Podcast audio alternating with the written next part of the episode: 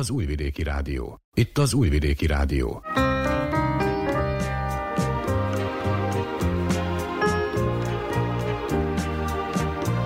Egészségügyi mozaik.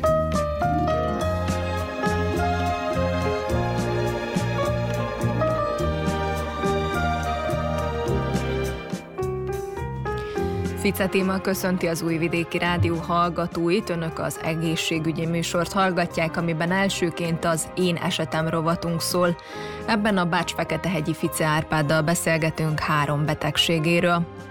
A második órában hallhatnak a zsírmáj kialakulásáról. Dr. Lázár Aladár belgyógyászt kérdeztük a témában. Többek között ezekkel a témákkal készültünk mára. Ha felkeltettük érdeklődésüket, tartsanak velünk. Vukicevics Mihályló zenei szerkesztő és Dejan Jocic hangtechnikus nevében tartalmas időtöltést kívánok. It started with a kiss.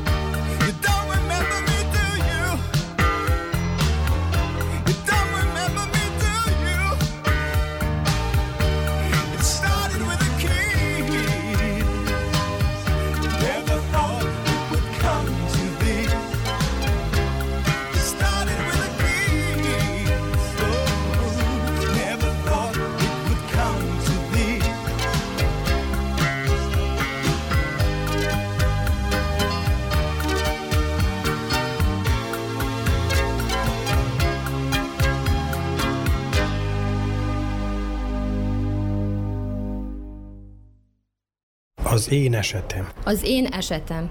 Az én esetem. Az én esetem. Az én esetem.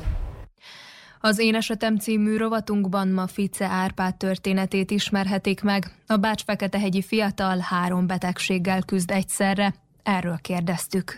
Mi volt az első, ami jelentkezett, és milyen tünetekkel? 2010-ben, körülbelül 14 évvel ezelőtt Herford szindróma volt, de nagyon érdekes volt olyan téren, hogy a diagnózist azt gyakorlatilag rá 6-7 hónapra sikerült csak felállítani, úgy, hogy eljutottunk Magyarországra, ahol Debrecenben sikerült egy ott dolgozó doktornőnek ezt diagnosztizálni. Itthon jó sok ideig küzdöttek vele újvidéken, de nem kaptam diagnózist. Mesélj arról egy kicsit, hogy mik voltak azok a tünetek, amik ugye problémát jelentettek, vagy mi miatt került az első, kórházba? A legelső tünet az, az volt, hogy egy ilyen belféle bénulás alakult ki. Az arcomnak az egyik oldalán a szám legörbült, tehát az izmok nem voltak képesek tartani, valamint a szemen, meg a homlokon érződött ez meg. Először arra gondoltak, hogy ez lehet kullancsparalízis, vagy ugye Lyme-kor, de nem az lett a végleges diagnózis, mert a véremben nem tudták a kórokozót kimutatni,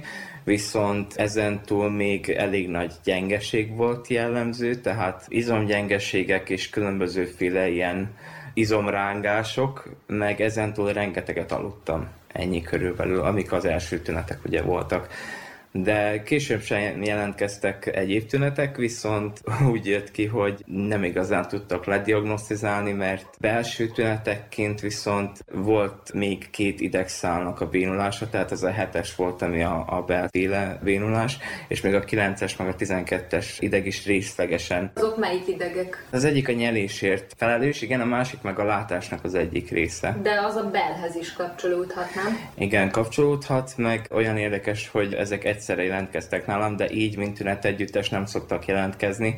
Már ott is gondoltak arra, hogy autoimmun jellegű lehet az egész, de rengeteg vértesztet is futtattak, meg voltam diurízisen, az azt jelenti, hogy mérték a vizeleten keresztül rülő lényegében működő képességét a vesének, meg ezentúl még a szemem, a, a jobb szemem, érdekes, hogy a bal felől volt a bénulás, és a jobb szememnél jelentkezett uveitis, ami gyakorlatilag azt jelenti, hogy foltok jelennek meg az íriszen, és ezek miatt a látás részlegesen romlik, de nálam nem minden esetben jön ez elő, hanem ez is érdekes, hogy csak akkor, amikor hideg van. Úgyhogy ez mai napig velem van, a bénulást azt sikerült meggyógyítani. Maga az egész betegség az pedig stagnál, tehát nem tudjuk kimondani, hogy elmúlt, nem tudjuk kimondani azt, hogy meggyógyultam, velem van lényegében, csak nincsenek jelenleg aktív tüneteim. De ez a szindróma is egy autoimmun betegség? Igen, és ezt már ott Debrecenben kaptuk meg válaszként, hogy mikor aktív volt a betegség, kaptam volna egy héten keresztül tartó szteroidos kezelést, akkor meg lehetett volna a betegséget úgymond csípni, és akkor teljesen azt mondhatnánk, hogy ki vagyok gyógyulva Viszont újvidéken is jó úton jártak az orvosok, mert ott kortikoszteroidokat adagoltak, ami lényegében szintén egy ugyanolyan fajta szteroid, csak gyengébb, mint hogyha például intravénásan kaptam volna szteroidkezelést. Mármint itt tabletta formájában? Tabletta formájában, igen voltam rengeteg fajta vizsgálaton is. Mikre gyanakodtak egyébként még?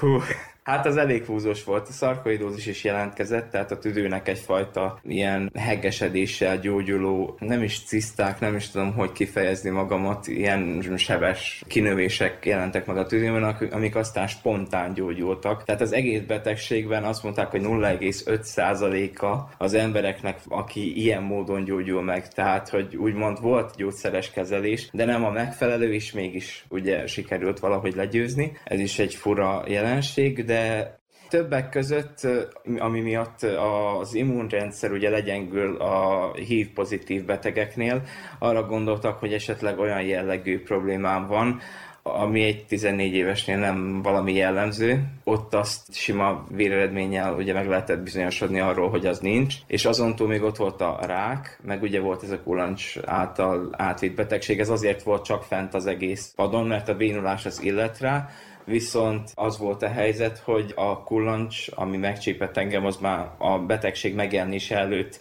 több hónappal történt, és valószínű, hogy előbb jelentkeztek volna ilyen jellegű tünetek. Szóval akkor reálisan gyanakodtak a kullancsra, igen, volt, volt, volt kullancs csípés is, igen, igen, azért is volt fent, mondom, az asztalon ez az a egész.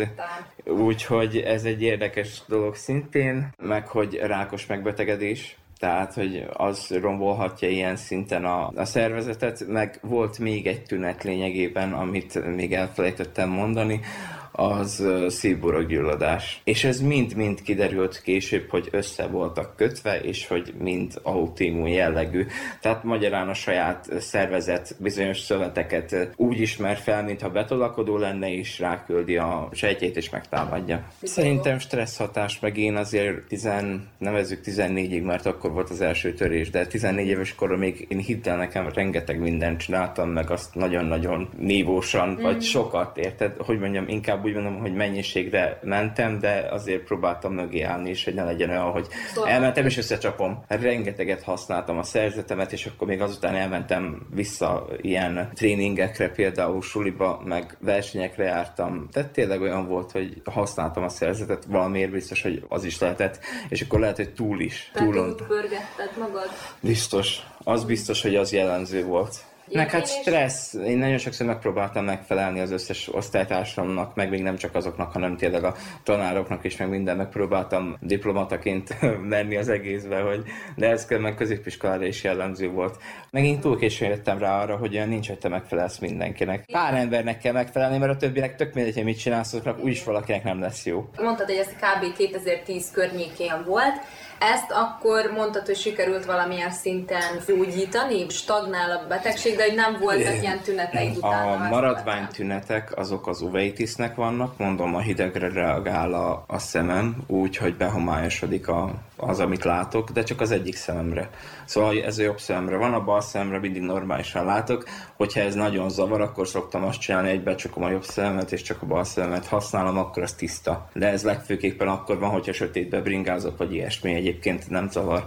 A másik dolog, a, paralízis pedig maradt. Tehát olyan szinten maradt, hogy megpróbáltunk mindent. Ott az újvidéki kórházban is voltam akupunktúrán is, meg voltam elektromos kezeléseken is, úgyhogy ez olyan dolog volt, hogy folyamatosan csinálták az EEG-ket, ami ugye a, az agyi kapacitást nézi, és azt ad, hogy például az ember néha aludnom is kellett, mikor rajtam volt a gép, és akkor álmomban is megnézték a hullámokat, és elméletileg ott minden rendben volt, de nem sikerült a bénulást kigyógyítani. És akkor végül eljutottunk török kanizsára, mert nem is emlékszek, hogy ki szólt, vagy hogy ki ajánlotta a dr. Kakuszi Jánost, ő egy Kínában járt ember, aki ott tanulta meg a kínai gyógymódoknak az alapját, ő köpőzést, akupresszurát, meg akupunktúrát használ, és ő mondta el nekünk, hogy lényegében, amikor újvidéken kezeltek engem, akkor az a valaki az nem értette valószínűleg a dolgát, mert azt mondta, hogy aki öt tűnél többet használ,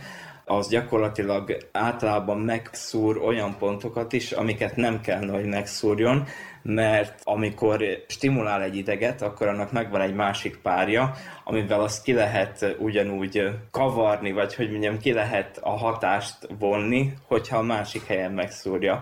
Szóval úgy jön ki, hogy ott rajtam nagyon sok szúrást ejtettek, meg minden, ő pedig tényleg csak öt tűt használt, és azt mondta, hogy így lehet csak az akupunktúrát gyakorolni, és lényegében ő hozta helyre a, az arcomat. És oda meddig jártál, vagy meddig jártatok? Hát az a helyzet, hogy tíz kezelés alatt gyakorlatilag simán ilyen kökénymagokat, mint amivel eteted a papagájt, olyanokat használt, és ezt a fülembe bizonyos pontokhoz felrakta, meg azon kívül volt ilyen, hát én csak bigyónak hívom, fogalmam sincs, hogy mi az, kiégeti a levegőt egy ilyen kerámia cuccból, és azt rárakja bizonyos pontokra a testedre, és azután megmasszírozott, és gyakorlatilag ennyiből állt a kezelés, és én magamat gyógyítottam meg azzal, hogy azokat a kökénymagokat, amiket felragasztott több helyre a fülembe, azokat napi háromszor stimuláltam. És tíz alkalommal voltunk nála, annyi idő alatt helyreállt az arcom. Nem hinném el én se egyébként, hogyha nekem mesélnéd ezt így el, de én azóta is bárkinek, akinek olyan problémája van, menjen el hozzá, mert ő tényleg tud segíteni.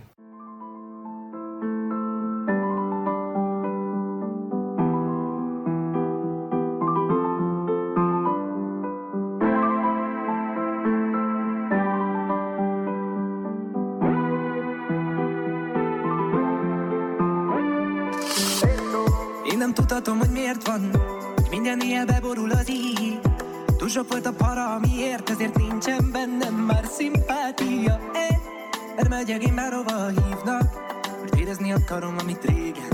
De már régen ment valamiben Valamiben, valakiben nem És már azóta sincs semmihez se kedvem már. Szürkébb lett az ég is, megint beborul Nem látom mind nap, fél hónapja már. Senki se vár hiszen itt benn nincsen más. Aki mondaná, hogy szomorú sose legyél. És érzem most már kicsit minden könnyebb Kicsit minden másabb, kicsit minden hidegebb. Tudod a világom is neked adnám Hogy az életemben örökre csak te legyél De tudod mindenkinek máshogy Tükröződik a világ. But then I saw you fly I couldn't find a reason why you should be fine. So put me in a sleep, I'm running out of time Just because I walk on the road. Hey, hey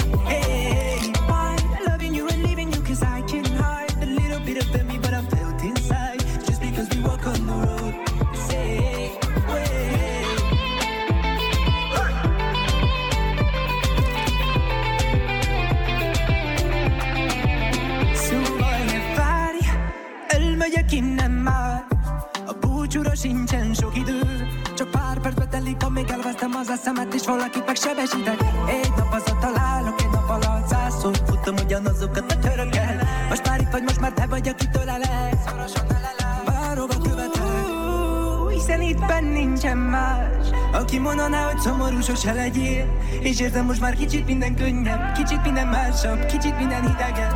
Tudod a világom és neked adnám Csak úgy az életben örökre baba te legyél. De tudod mindenkinek máshogy Nyílik a száz színű virág. But then I saw you cry I couldn't find a reason why you should be fine. So put me in a sleep, I'm running out of time. Just because I walk on the road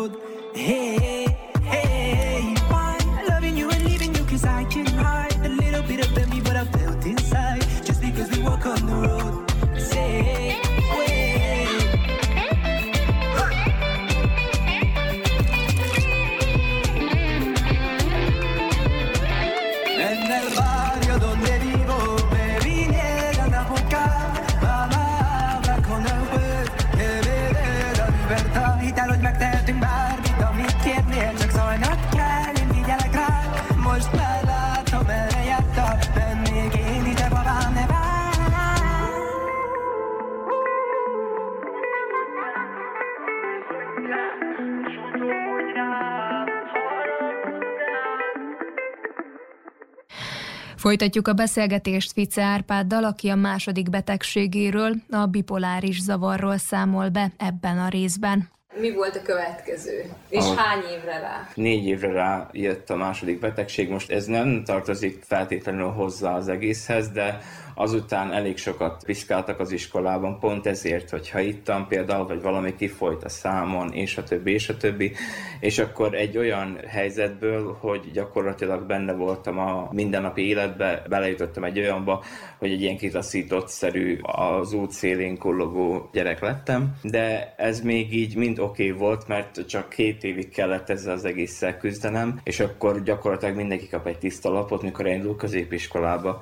És hát az első két évem az ott is tökéletesen ment, az nagyon jó volt, hanem Azután harmadikban indultunk el egy kirándulásra, ami hát úgy végződött, hogy zavartan értem már haza. Például tegyük fel, volt otthon három alma kirakva az asztalra, meg bécsi szelet, azzal várt anya, és beleharaptam mind a három almába, és nem ettem meg egyiket se, ugyanúgy a húsokkal meg eléggé fel voltam pörögve, meg minden, és akkor még egy-két napot ott ez így működött, meg minden, de aztán a testvéremmel bent voltunk a szobánkban, és akkor hallgatta a zenét, és ott teljesen összezavarodtam, igazából elveszítettem gyakorlatilag a realitás talaját, és kiszaladtam az utcára mindenhol fölcsapták a villanyokat az utcán, meg ugye néztek, sötét volt már, nem tudom mind, és hát akkor nem tudtak más csinálni, nem szaladtam el túl messzire, csak fél utcát, és akkor visszamentem, mert visszahívott Hargita, tehát arra reagáltam.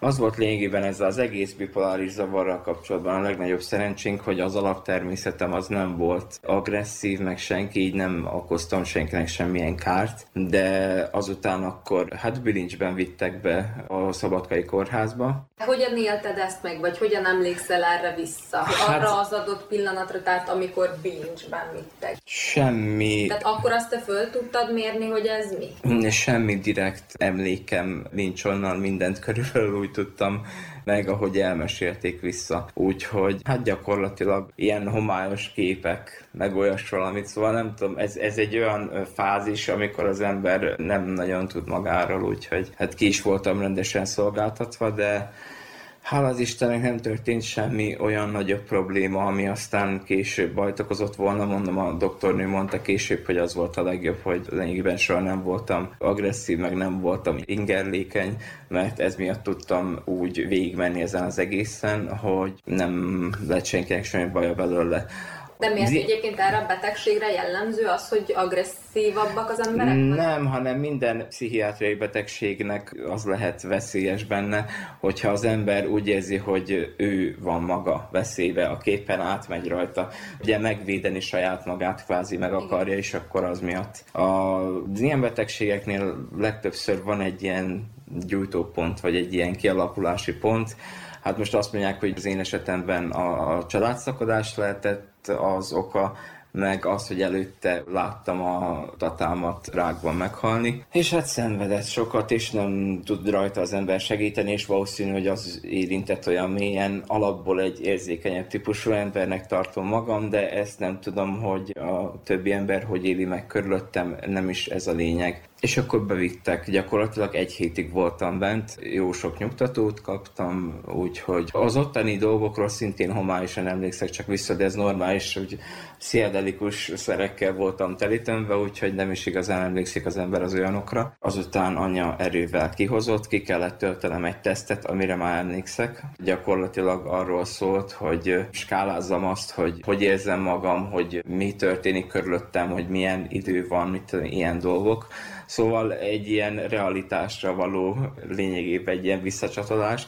És akkor ott negyed risperidonnal, az egy gyenge nyugtató, azzal engedtek ki, de hát nekem csak nem volt úgymond az elég, mert persze azt csak azért csinálták az ottani orvosok, hogy le legyek nyugtatva, de az az igazság, hogy nekem továbbra is olyan gondolataim voltak, hogy nem tudom én, valami nagyon rossz dolog fog történni, ergo világháború, vagy nem tudom én, aszteroid az eltalálja a Földet, és bla bla bla, amitől az ember alapvetően nem annyira fél, mert az élete az megvan a, annak is a realitás talaja, de a legtöbb ember az nem is gondol bele ebbe, mert el van foglalva a hétköznapjaival. Erre én nagyon rá voltam kattanva, meg minden, és akkor kellett további kezelés is annak az érdekében, hogy visszakapjam valamilyen szinten azt az életemet, ami előtte volt. Az iskolából addig egy jó ideig kimaradtam, és először a gyerekosztályra vittek be. Ez már újvidéken volt, akkor az ottani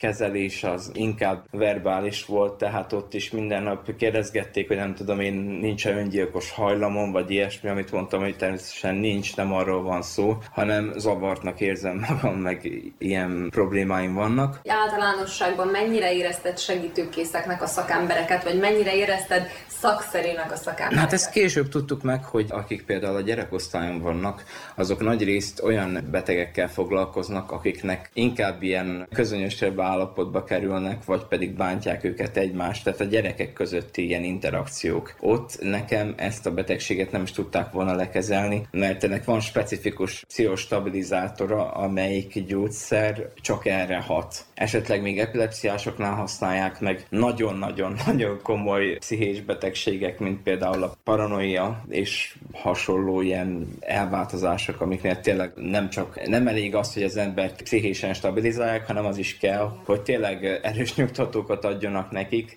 vagy pedig, hogy állandó létesítményben kezeljék, ahonnan nem jön ki gyakorlatilag. Szabadkán őszintén nem is tudom, hogy hányszor beszéltem én orvossal egyáltalán. Szóval ott el voltam gyakorlatilag hanyagolva. Voltam a földön is, meg amikor bementem, akkor be voltam bilincselve, és bilincs át volt rakva a hátam mögé, a bordágyon, amire ráraktak, és le voltam takarva egy koszos kabáttal, amit fogalmam sincs, hogy kiről szedtek le. De ez is olyan, hogy ezek mind utólag jöttek vissza, úgyhogy ez olyan dolog, hogy igen, ott eléggé ramatyó bántak velem, de rövidesen ki is jöttem onnan, úgyhogy az, az egy nagyon-nagyon nagy megkönnyebbülés volt, még akkor is, amikor zavart voltam, tehát olyan téren, hogy olyan helyen az ember abszolút nem akar lenni.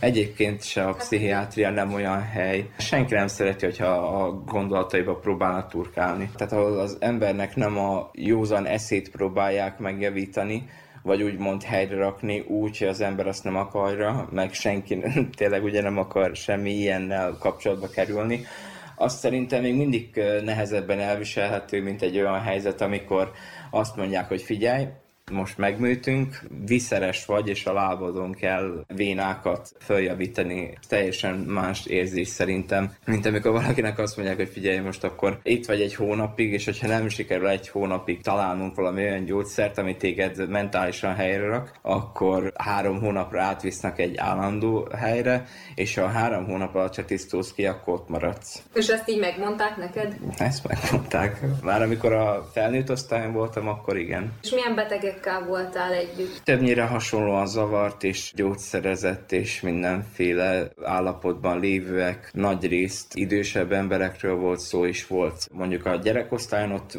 hasonlóképpen gyerekekkel, tehát ott semmi különös nem volt, de az igazság, hogy ott is az embereknek nagy része az nem igazán volt tisztában azzal, hogy mi történik, vagy hogy miért van baja, vagy hogy tényleg például megpróbált magának ártani, és azután már nem gondolta azt komolyan, de az már megtörtént, és annatól kezdve meg van bélyegezve. A felnőtt osztályon viszont volt egy olyan részleg, akik keményen, tehát nem tudom én, rágyújtották a házat a másikra, meg ilyesmi. Szóval tényleg komolyabb dolgok voltak. Azon a részlegen, ahol én voltam, ott meg ilyen könnyebb esetek voltak, és végül is ott is volt, aki például ilyen zavartság volt a, a jellemző az átlag emberre. Az, hogy nem tudta hol van, nem tudta mit akar csinálni, vagy hogy félt valamitől, vagy olyan jellegű problémák. És ezt például hogyan élted meg, amikor ezekkel az idegen emberekkel voltál, hogy amúgy is úgymond gondban voltál, önmagaddal, a világgal, a mindennel, és hogy még egy ilyen helyen kellett töltened ezt? Én alapvetően is első alkalommal, amikor bekerültem a Herford szindrómával, akkor rengeteget aludtam, de akkor nem azért, mert én akartam, hanem azért, mert úgy volt. A 24 órából jó, hogyha négyet ötöt fent voltam, az alatt elvégeztem a szükségleteimet kizárólag, és aztán vissza kellett feküdnöm, mert nem bírtam tovább, meg ott is volt olyan probléma, hogy nem beszéltem még a szerb nyelvet tökéletesen, és akkor nem tudtam kommunikálni gyakorlatilag az ottani dolgozókkal, úgyhogy rengeteget bőgtem, meg ilyesmit, mert más nem tudtam csinálni. A bajom volt, meg minden, azt akkor mit csináljak, de jó, ez is egy dolog, túlmentem rajta, és egyrészt félelmetes, másrészt meg próbáltam minél többet aludni. Egy idő után már kezdtek rám szólni, hogy miért alszok annyit. Volt egy ilyen társalgó, de le lehetett volna menni, és akkor ott nem csak férfiak, mert egy különböző helyre van ugye elkülönítve, férfiak, nők külön helyen, és akkor ott lehetett találkozni. Az igazság, hogy az ilyen emberekkel nincs közös se téma, se pedig úgy nem is akarsz közösködni senkivel, mert te önmagadtól is, abban, amikor egy ilyen helyzetben vagy, akkor önmagadtól is visszajogsz, nem hogy attól, hogy más ilyen emberekkel kommunikálj meg. Nagy részt sétálgattam a folyosón, megszámoltam az összes kockát, ahogy le voltak rakva a lapok. És itt milyen terápiát kaptál, vagy mennyire volt nehéz megtalálni a megfelelő? Minden nap mást mindent kipróbáltak, most nem így mondom, hogy minden nap más, de gyakorlatilag úgy jött ki, hogy egy-két gyógyszer két-három nap alatt már kifejti a hatását, aminek hosszabb idő kell, mint a serotonin antagonisták, azokat persze tovább ideig adták, mint az oloft, de annak mondjuk kell egy hónap tényleg. A legtöbb ilyen gyógyszer, az, az főleg a nyugtató jellegűek, azok mind kifejtik a hatásokat már aznap, úgyhogy azokat nem kellett különlegesen kipróbálni, viszont első körben az az egy hónap alatt sikerült annyira helyrehozni, hogy már tudtam tisztán gondolkodni, nem volt akkora jellegű ilyen zavartság, és azután meg azt hiszem négy hónapig jártunk vissza, amikor először a doktornővel fel lett vetve a lítiumkarbonát, és az az a valódi gyógyszer, amelyik ténylegesen hat erre a betegségre, addig FT-t szedtem. Az FT az olyan betegeknek lett kitalálva általában, akinek epilepsziája van. Tehát az inkább egy ilyen rohamellenes, szintén pszichostabilizátor, de sokkal jobban hat egy epilepsziásra, mint egy bipoláris zavarra küzdő betegre viszont amint elkezdtem a gyógyszert kapni, akkor lényegesen felgyorsult a, a javulás, és azután még több ilyen stabilizáló szerrel összevetve meg este nyugtatóval, hogy bírjak jól aludni, akkor végül is kialakult gyakorlatilag az a gyógyszerkombináció, amit most is szedek. Hány éve szeded ugyanazt? 8-9 legalább. És akkor ez, ez bevált? Ez, ez bevált olyan téren, hogy még mai napig van egyfajta alvászavarom, meg hangulat ingadozásom, de még mindig jobb, mint hogyha úgy maradtam volna, mert hogy ez benne volt abszolút a pakliba. Ott tudatosult anyában is, amikor ugye elmondták nekik, hogy ez egy hosszú folyamat, ez egy olyan kezelés, amit nem lehet egyik napról a másikra kialakítani, mert hogy az embereknél az agy a legbonyolultabb szerv, és hogy ebben egy kémiailag belepiszkált kombinációval nem lehet mindig eltalálni azt, ami megfelelő.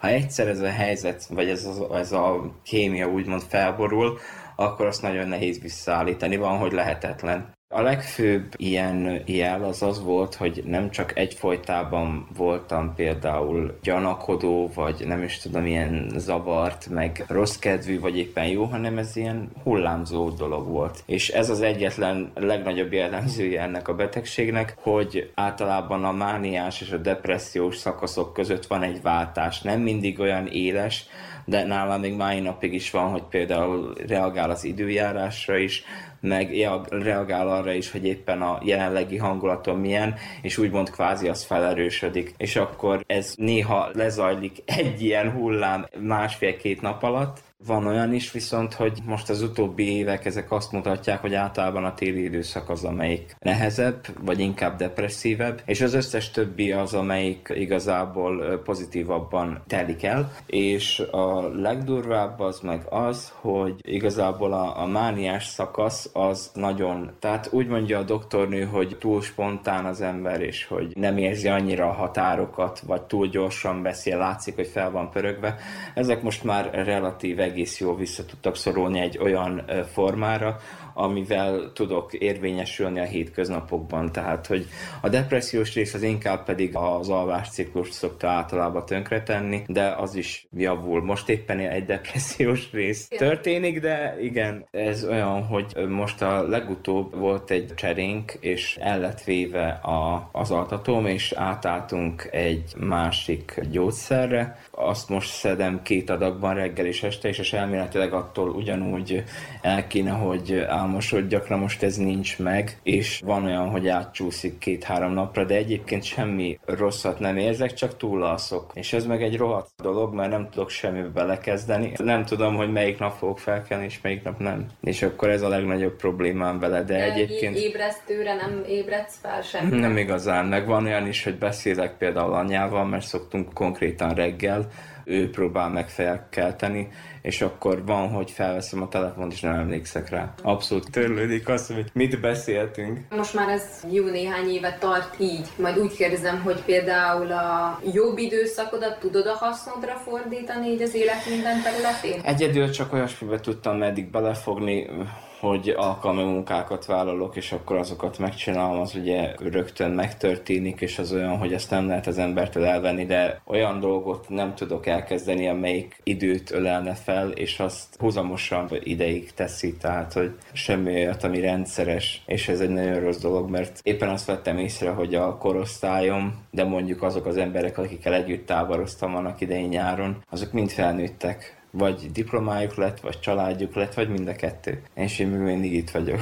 ez a legszomorúbb az egészben, de amúgy semmi olyan jellegű bajom nincs, csak ez egy, egyfajta dolog, egy olyan dolog, amit nem tudok befolyásolni, és mégis itt van a nyakamon. És hát jó volna most már valamit elkezdeni. De hát azt mondta a doktornő, hogy lehet, hogy akár 10-15 évig is bele fog tartani, mire teljesen meg lesz találva az a, az a kombináció, amivel tudok működni. Úgyhogy azt mondta, hogy most ez lehet, hogy rosszul hangzik, de annak kell örülni, hogy nem maradtam meg azon a szinten, amin voltam az elején. Miket teszel még így a hétköznapokban, hogy te javítsd ezt a helyzetet? Hogy vannak-e valami praktikáid, vagy így hol szoktál így utána nézni ezeknek a dolgoknak? Úgy, Ugyanúgy, mint ahogy a fázisok, ugyanúgy változik a, az energia szintem is, ami egyébként hozzáköthető a harmadik betegséghez is, de van például ilyesmi, hogy egy-két hónap leforgása alatt lefogyok 20-30 kilót, és nagyon simán meg tudom azt csinálni olyankor, mert egy dolgot kell követnem, ugye nem viszek be annyi kalóriát, meg testmozgás, és gyakorlatilag ezzel tökéletesen meg lehet oldani ezeket a dolgokat,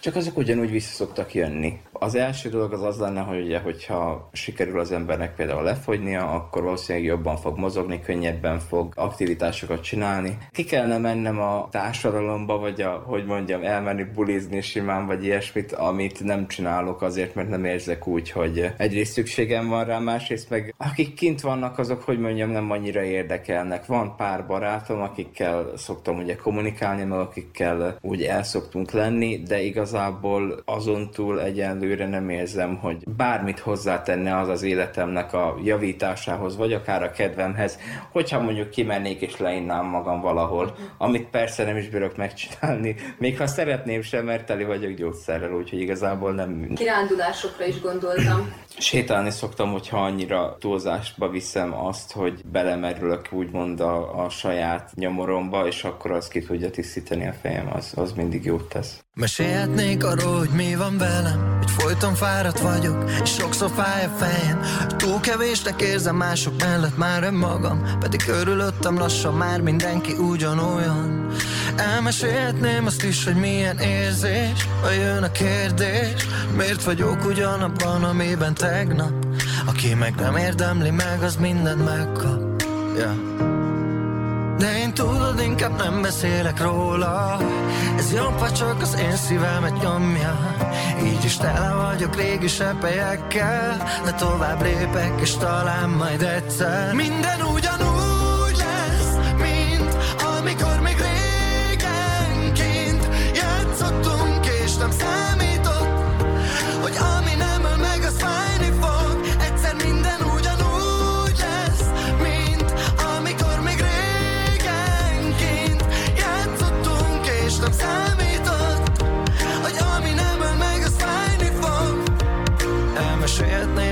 Mennyit erőködtem Hogy ne csak a rossz oldalam lássam a tükörben Mikor csak rossz kaptam, hogy én miben hibáztam Ha szembe jöttek vele, én inkább félreálltam.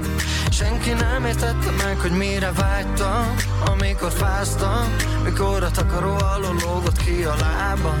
Ha nem értem le meg, akkor én miért ezt kaptam tudod, inkább nem beszélek róla. Ez jobb, ha mások szívét már nem nyomja. Így is tele vagyok régi sepelyekkel De tovább lépek, és talán majd egyszer. Minden ugyanúgy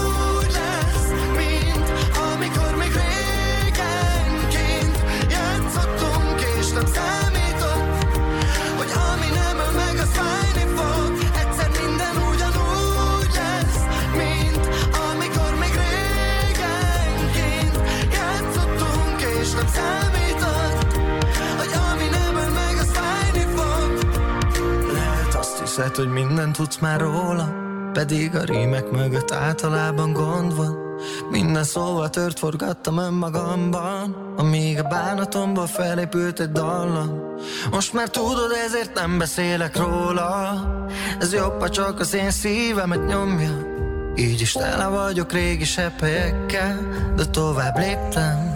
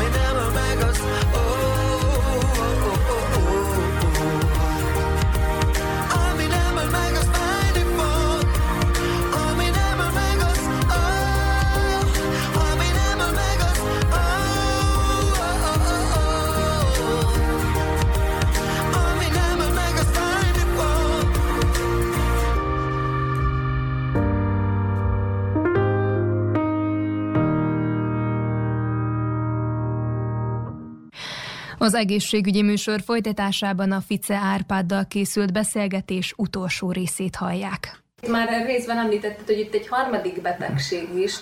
Miről van szó? A családban halmozottan fordul elő a pajzsmirigy probléma. A testvéremnél diagnosztizáltak Hashimoto betegséget, tehát ő neki Hashimoto szindrómája van, nekem viszont csak pajzsmirigy alultengésem. Szóval az a lényeg, hogy nem termel elég hormont. Tehát nem autoimmun eredetű. Nem, ez nem. Mert hogy a Hashimoto pajzsmirigy alul Igen. az, az autoimmun Igen, eredetű, igen, igen, de van igen. a sima is. Szóval a pajzsmirigy alulműködésem van, ami abban nyilvánult meg nálam, hogy szintén az eddig meglévő hangulatingadozások, ami nagyon érdekes egyébként, mert az orvosom azt mondta, hogy gyakorlatilag ez a dolog már nálam 10 éve is működhet, a háttérben folyamatosan romlott, romlott, romlott a helyzete, és akkor úgy ítélték meg, hogy legyen meghatározva mondjuk egy 50 mikrogramnál a levotiroxin, és azt elkezdtem szedni először. És aztán dr. Tellerhez mentünk, hogy tovább legyen követve ez az egész dolog, mert egyébként ő követi időközben a bipoláris zavart is,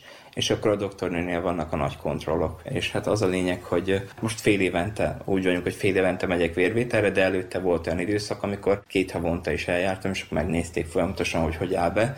Egyik nap 50 mikrogramot szedek, másik nap meg 75-öt, és akkor ezt így váltogatjuk. A betegség pedig úgy jelentkezett, úgy nyilvánult meg nálam, hogy először a már meglévő hangulatingadozások egyre nagyobbak lettek, meg elkezdtem súlyt felgyarapítani magamra, tehát nagyon nagy túlsúly, és egyébként meg mást így hirtelen nem is tudok mondani. De itt nem gondoltatok arra esetleg elsőként, hogy lehet, hogy megint a régi betegségek aktivizálódnak, vagy volt-e más Nem. gyanakvás, vagy itt rögtön a pajzsmirigy betegség, mert mondod, hogy így a családban több mindenkinek Igen. is van. Emiatt nézettétek meg akkor a véreredményt? Vagy? Benne volt ez is részlegesen, ugye ez is egy ok volt arra, hogy, hogy meg legyen vizsgálva, de a másik ok az meg az, hogy az eleve meglévő gyógyszeres kezelésem az nem indikálna. Hány éve ellenőriztétek, hány éve derült ez ki? 2021-ben, én azt hiszem. Egy három éve legalább szedek gyógyszereket is rá. Mert hogy azt mondják, hogy ezek a nem autoimmun eredetűek, ezek pár hónap alatt meg kell, hogy gyógyuljanak. Mivel ugye nem volt kezelve ez az Aha. egész, meg minden,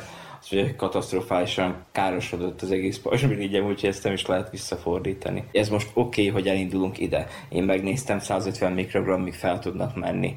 Szóval valószínűleg romlani fog az állapot, meg minden, de hogyha sikerül ezt így ezen a szinten megtartani, vagy legalább úgymond megőrizni, akkor, akkor nem lesz szükség arra, hogy operációra kerüljön a sor, vagy akár hogy eltávolítsák. Igen. Tudsz hasonló sorstársakat bármelyik betegséggel kapcsolatban, akikkel esetleg így tudsz tapasztalatot cserélni, vagy beszélgetni?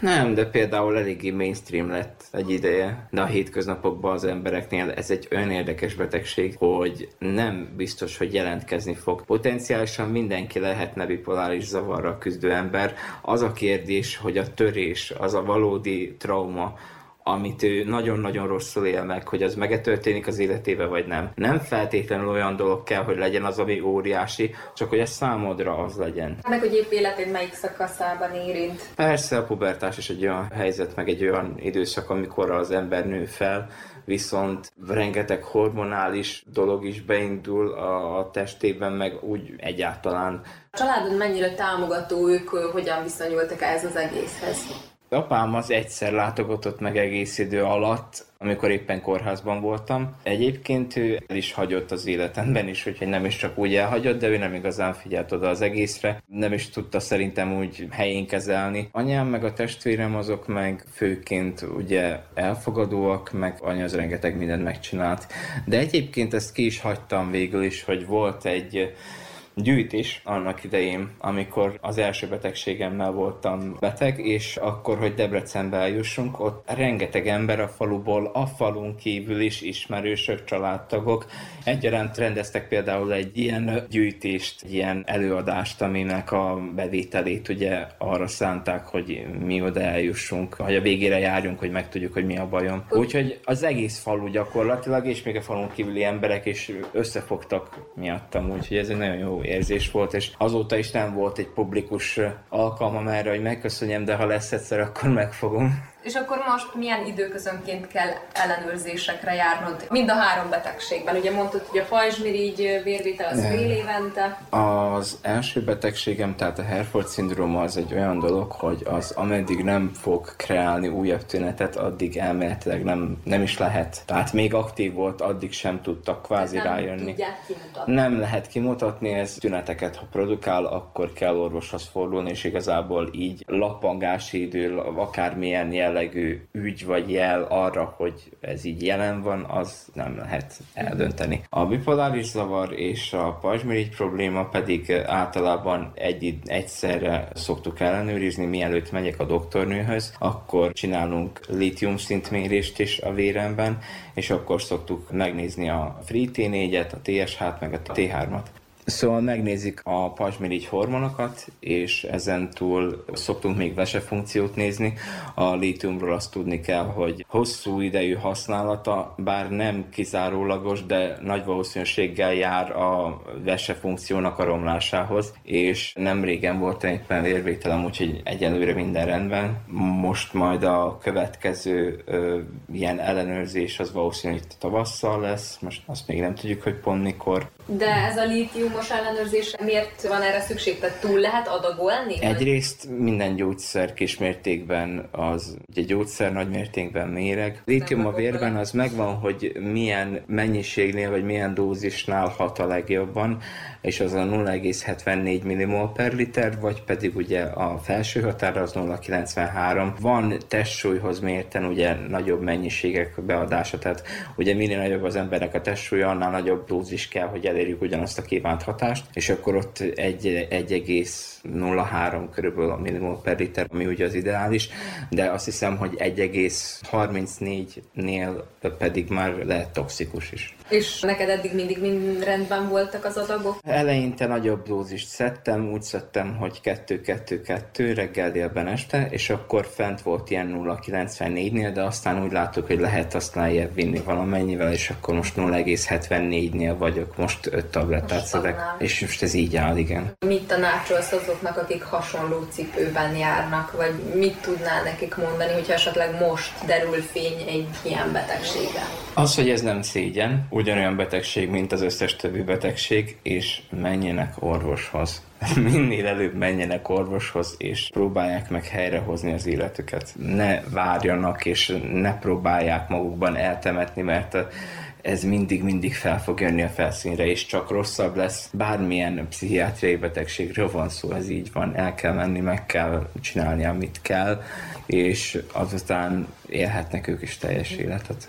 Villámokat szór ma ránk az ég fenn Tombol a világ, de bennem szélcsend Van belül, mert átéltem már százszor Hogy maga után fényt hagyott az ápor az életem mérleg hinta, és mindig beleülök. Ha sok volt a sötét és előjön a fény Az árnyékom elől is menekülök.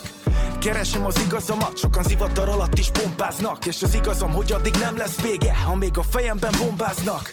Van kinek az anyagiak, számítanak csak és maga miatt. Szorul a kötél, ha rohad a gyökérte kívül a szírmai tavasziak. A külső a pénz, de a belső béke. Van ki addig hagyja a világot, ameddig el nem hagyja. A Villámokat ránk az ég fenn Tombol a világ, de bennem szélcsend Van belül, mert átéltem már százszor Hogy maga után fényt hagyott a zápor. Úgy érzem magam ragyott a világ Attól félek, hogy túl messze van a kilát. Attól félek, hogy túl messze van a kivár Attól félek, hogy túl késő lesz, ha kivár Mikor rám szakad a felhő Túl sok a gyűlölet Körülöttem, mint sűrű erdő.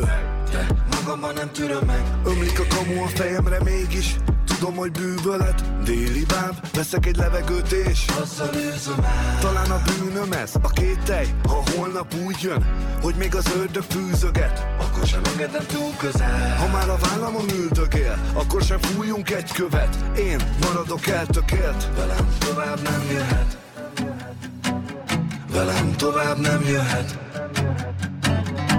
A villámokat szól ma ránk az ég fenn Tombol a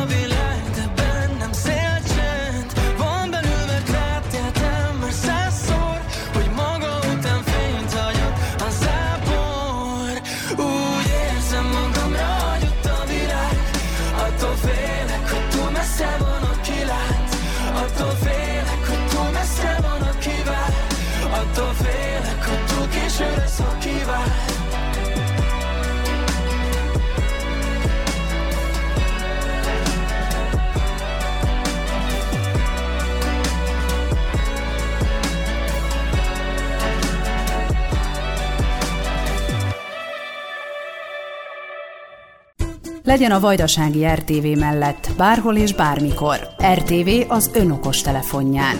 Értesüljön azonnal a legfontosabb hírekről. Nézze és hallgassa műsorainkat, amikor önnek megfelel. Tájékozódjon műsorkínálatunkról. A Vajdasági RTV mindenhol és mindenkor önnel. Az Android alkalmazás az rtv.rs honlapon érhető el.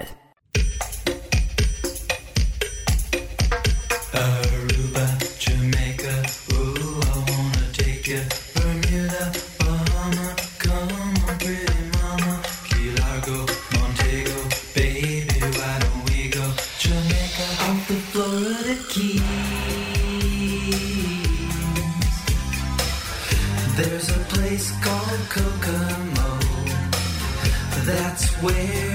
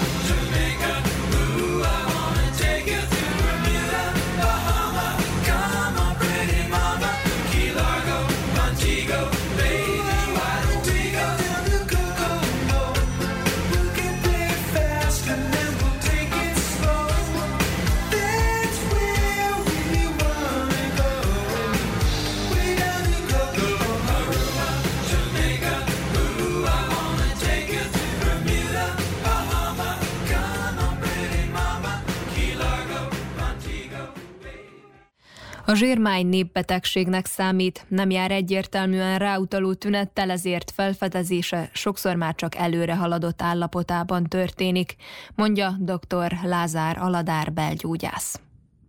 A zsírmája az egy korrilettani jelenség, és beszélhetünk ugye itt a leginkább másodlagos problémáról, ahol különböző kronikus betegségek kísérő jelensége, vagy megnyilvánulása, vagy fenotípusa, és akkor alapvetőleg ugye alkoholos betegségnél ott alkoholos teatohepatitis vagy gyulladásos folyamatról beszélünk, vagy nem alkoholos zsírmáj betegség, ahol nem föltétlenül láthatóak a gyulladásos jelek, ami a laborvizsgálatnál egyébként gyakran látható.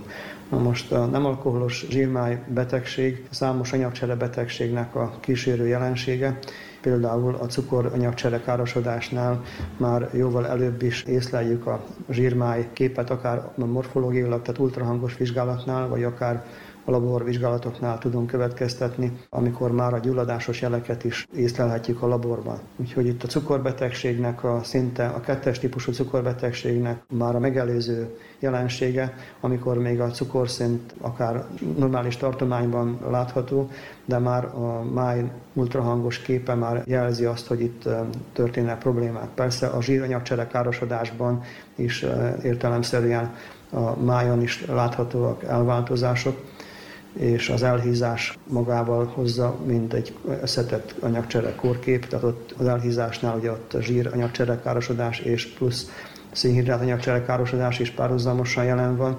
Következőben a, a máj zsírosodása úgymond, ugye az egy, nem egy egyszerű mechanikai folyamat, hanem az egy vegyi folyamat, ahol, ahogy mondtam, már gyulladásos jelenség, az magával hozza a kockázatát annak is, hogy később akár egy krónikus gyulladás következtében májzsugor vagy cirrózis alakul ki, vagy akár daganatos betegségek veszélye is.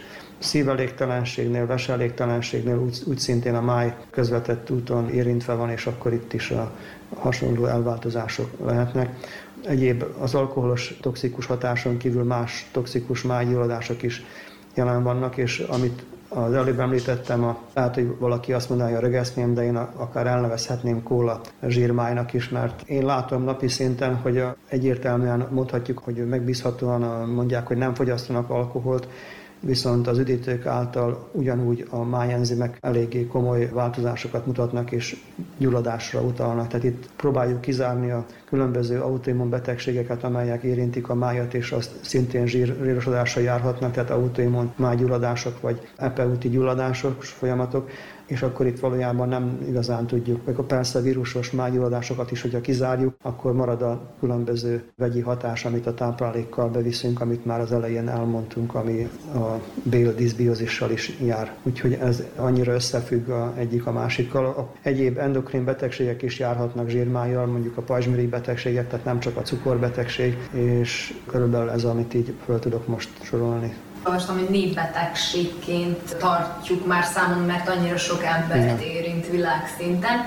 Itt említettem már ugye a táplálkozást is, meg a kólát, de hogy milyen életmód eredményeink, gondolok itt a káros zsírsavakra is talán, Igen. vagy hogy egészségtelen zsír, túlzott kalóriabevitel. Igen. Tehát, hogyha ezt mondjuk rá egy kicsit karban tartanánk, akár mondjuk kevesebb kalória mennyiség és mondjuk egészségesebb táplálékok bevitelével, akkor tud regenerálódni a máj? Ez egy hosszú folyamat, mert nem tudjuk megint csak ilyen rövid, akár tablettáris, vagy bármilyen, de is hosszú hónapokig tartó folyamat, és nagyon nehéz. Próbálkozunk rengeteg étrendkiegészítővel, akár a gyógyszertárban is a betegek saját maguk kapnak különböző gyógynövényes készítményeket, a közismert a Mária tövis készítmény, meg a szilimarin, szilibén, egyéb hatóanyagokkal rendelkező ilyen összetett étrendkiegészítők, és a betegek nagyon szeretik azt a kifejezést használni, hogy májvédőt használunk, de azzal sajnos nem mondhatom, hogy látványos javulást, hogyha akkor segíthet az egész, hogyha étrendváltáson, életmódváltáson tud megvalósulni, és akkor bizony hónapokig várhatunk, hogy a következő ultrahangos képen másképp láthassuk a májunkat. Néha ultrahangos nyelven kifejezve olyan a máj, mint egy földrajz térkép, néha de nem egyenletesen van kitöltve, hanem vannak olyan részei a májnak, amelyek kevésbé zsírosodnak, meg vagy kifejezettebb, és akkor eléggé nehéz az orvosnak eldöntenie, hogy most pontosabban mi is zajlik a májban, néha még a daganat gyanúja is felmerül. De itt konkrétan egy, egy zsírréteg is látszódhat? Vagy nem, az, nem, itt a májsejtekben történik egy bizonyos zsír a halmozódás, és az egy, ahogy mondtam, nem egy mechanikai halmozódás, hanem az egy gyulladásos folyamat. Nagyon komolyan kell venni ezt a jelenséget. És milyen tünetek utalhatnak erre egyébként? Tehát, hogy akár mondjuk valamilyen fájdalom, vagy hogyha mondjuk elmennek egy vérvételre és megnézik a jó és a rossz zsírokat, koleszterin szintet, akkor ott, ha már mondjuk nem jó, akár mondjuk legyen egy 7-es, 8-as rossz koleszterin szint, akkor Ezt is meg kell nézetni? Tehát, hogy ez összefügg? Maga a labor azt úgy nem mutatja meg, hogy most milyen képet fogunk kapni az ultrahangon, ugyanúgy az ultrahang nem, egész, nem helyettesíti a labort. Tehát egymást kiegészítő diagnosztika, tehát egy oldalt a labordiagnosztika fontos, és nem elég a számokat. Én szoktam elhangsúlyozni, hogy nem a számokat kezeljük, hogy most 6-os, 8-as az összkoleszterin, hanem a különböző zsírrészecskék arányát és az anyagcserét próbáljuk egyensúlyba hozni, amennyire sikerül. A másik oldalon meg ezáltal indirekt hosszú távon a májgyulladásos korképét próbáljuk ezzel enyhíteni. Tehát vannak próbálkozások gyógyszeres kezeléssel is, de ezek még tudtommal azért nem olyan szinten vannak, hogy egyből meg tudjuk oldani egy hetes vagy egy hónapos gyógyszeres kúrával. Mikortól számít vészesnek, ha valakinek rossz a koleszterin? Hogyha valakinek hetes, az már, az már nagyon kóros? Vagy mert hogy nyilván vannak olyan értékek, amiknél lehet nagyobb kitérés is, de mondjuk egy vérzsírnál azért egy hatos, hetes is már elég rossz, nem? Tehát először is az összkoleszterin, persze, hogy rossz értékek azok ott 5,5 értékek fölött, de nem a számot hangsúlyozom, nem, a, nem ezt a számot vesszük kezelési alapnak, hanem a különböző zsírrészecskéknek az arányát egymáshoz. Tehát létezik olyan zsíranyagcserezavar is, amit mi szakmailag úgy nevezünk, hogy hiperalfa lipoproteinémia, ahol az összkoleszterin akár tízes fölött is lehet, és olyan betegek kivételesen száz évig is élne, élhetnek, és miért ne. Tehát a bizonyos idézőjelben nevezett, jó koleszterinnek nevezett részecskéknek az aránya egy genetikai eltérés következtében magas szintet érnek el, és ezek a betegek úgymond akár hosszú életűek is lehetnek. Vagy teljesen normális összkoleszterin értékkel lehet egy teljesen kóros lipid vagy zsírprofil a háttérben, és még olyan betegeket is ismertem, sajnos, akik nagyon komoly érrendszeri szövődményekkel, életükkel is fizettek ezért, pedig aktív életet éltek, de a genetikai, az örökletes háttér nem volt olyan szerencsés, olyan részecskék is, amik a fokozott aterogén,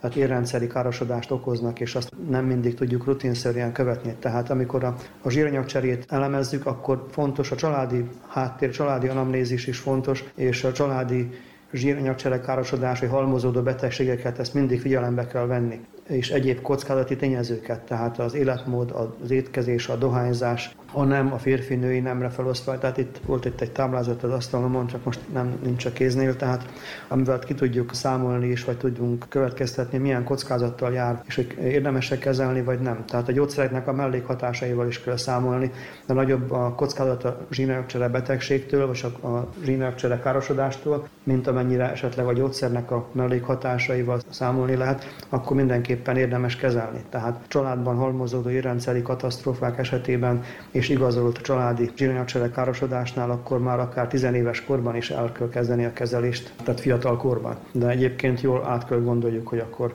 a gyógyszereket érdemes-e használni, vagy nem, vagy csak elegendő az étrendváltás, vagy az életmódváltás. Milyen tünetek utalhatnak erre? A tünet szegény állapotról beszélhetünk itt, amikor már a gyulladásos folyamat máj nagyobbodással jár. A máj nagyobbodás az relatív az emberi alkattól függ. Sokszor az ultrahangos véleményénél találkozunk olyan leírással, hogy máj nagyobbodás, de az nem jelenti azt, hogy az a máj annak, aki 180 centi magas, vagy aki 1 méter 60, az nem egyforma. Tehát ha máj nagyobbodás alakul ki a gyulladás következtében, akkor ott lehetnek bordai alatti fájdalmak, vagy szúró fájdalmak, vagy az említett puffadásokkal, ami már eleve együtt jár, ez mind megjelenhet, de nem olyan típusos panasz, ami csak a zsírmájra ut, nem, tudok most kiemelni olyan panaszt, ami egyértelmű. De ha társul egyéb betegségekhez a zsírmáj, akkor lehet erre is következtetni. És akkor egy idő után akkor a máj elkezdi elveszíteni a funkcióit, akkor azt gondolom a többi szerre is nagyon kihatással van. Súlyos stádiumban, amikor már a máj olyan szinten károsodott, akkor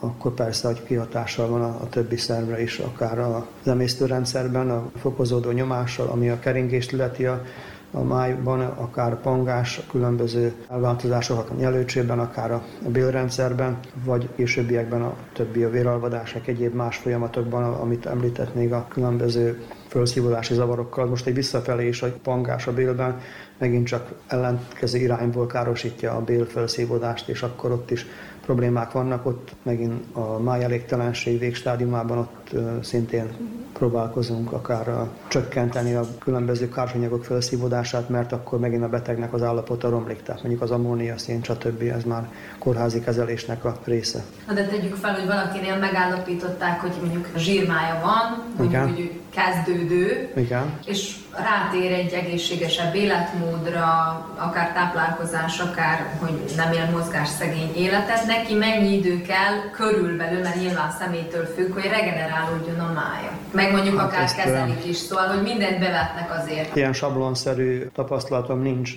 Én több hónapról beszélhetek, de nem hetek, hónapokról akár. A cukorbetegeimnél, akiknél követem a, nem csak a máj, hanem a ultrahangos képekkel a vese állapotát, meg a célszerveket, ahogy követ követjük, ott évekig fennáll a zsírmáj korképe. És a cukorbeállítástól függően, meg az élel táplálkozástól függően vannak olyan követési tapasztalatok, amikor javul a korkép, de nem egyik hétről vagy egyik hónapról a másikra, nem több hónapos követés után, hogyha jól van beállítva a kezelés. Meg hát nyilván gondolom, akkor azt élete végéig kell követni, hogy egészségesen táplálkozik és mozog, mivel... Tehát, hogyha a zsírmáj krónikus betegséghez köthető, akár akár cukorbetegséghez, vagy pajzsmirigy betegséghez, vagy, vagy az alkoholos betegség, vagy egyéb toxikus zsírmájról beszélhetünk, akkor az életre szóló jelenség, amit követünk, nem jelenti azt, hogy most egy életen át akkor valaki a Mária tövis szedi, vagy akár a, azt lehet kúraszerűen ismételni, de viszont erre kell gondolni, mert újra találkozhatunk. De a medicina az nem egy olyan mérnöki tudomány, hogy a két,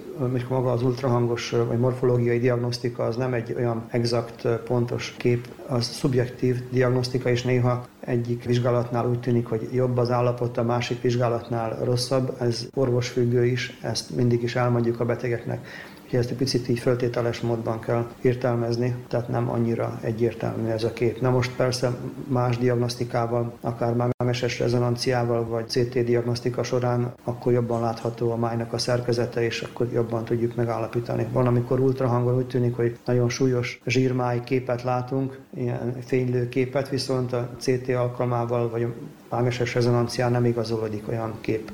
A medicina sajnos ilyen, nem lehet azt mondani, hogy most akkor az előző orvos az nem volt eléggé képzett, vagy nem volt elég tudással, vagy, vagy nem volt eléggé alapos, mert akkor mit is mondott, ez, ezt mindig óvatosan kell értelmezni.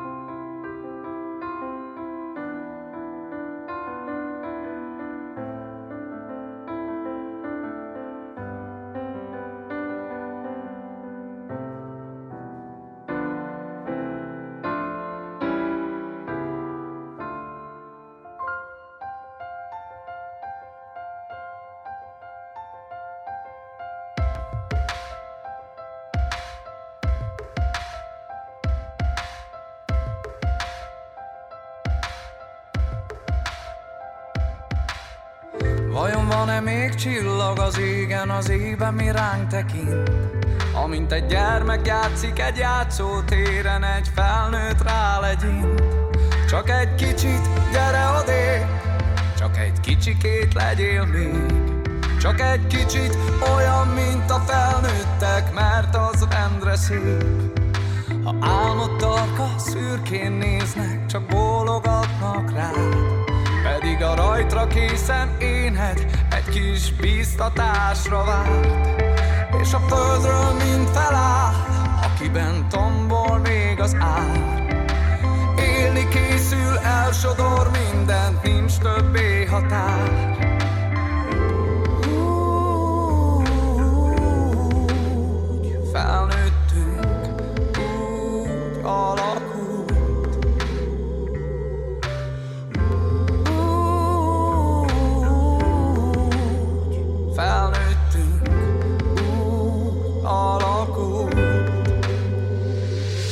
Csak a boldog időket nézem, ugye milyen rendületlen szép, ahogy előre vissza léptem, s nem már rá odakint látom az arcod a régi álmok, ahogy feltörnek megint. Mi vagyunk saját tükreink. Visszanézek, eltelt pár év, jó és rossz talán, Mit másként tettünk volna, az már nincs többé csupán. Elengedni kell, mi elmúlt, mint lombjait a fák. Engedik, mert újra jön még tavasz a tél után.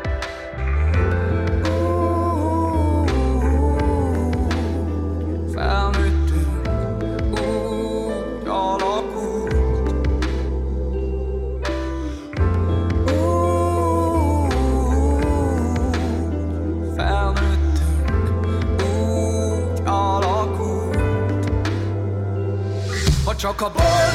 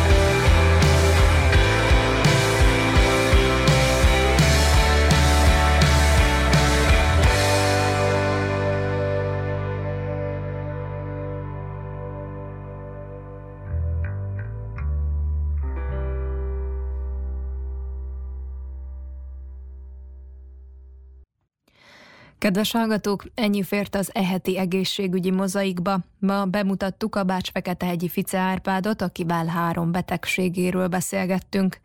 A második órában a zsírmáj kialakulásáról hallhattak, dr. Lázár Aladár belgyógyászt kérdeztük a témában. A munkatársak nevében Fice téma köszöni meg hallgatóink figyelmét. Műsorunk visszahallgatható a www.rtv.rs.hu honlapon, a médiatárban az egészségügyi mozaik cím alatt. Az egészségügyi műsorral a jövő héten is a szokásos időben, csütörtökön délelőtt a 10 és az esti ismétlésben a 8 órai hírek után jelentkezünk. További szép napot és jó rádiózást kívánok!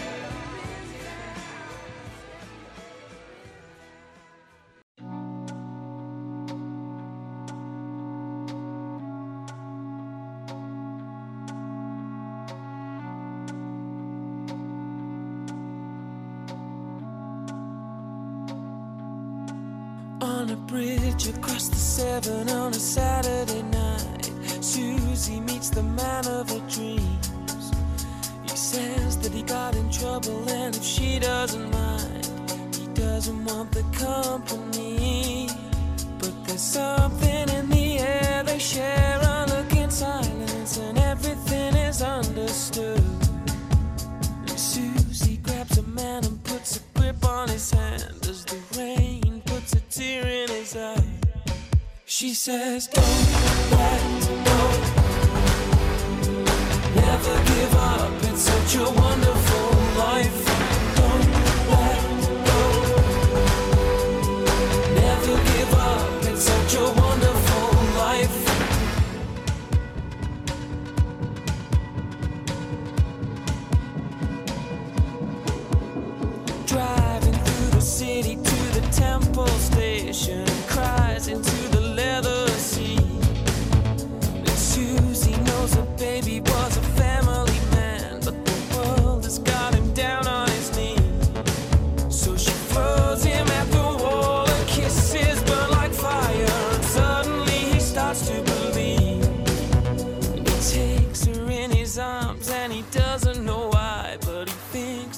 begins to sing.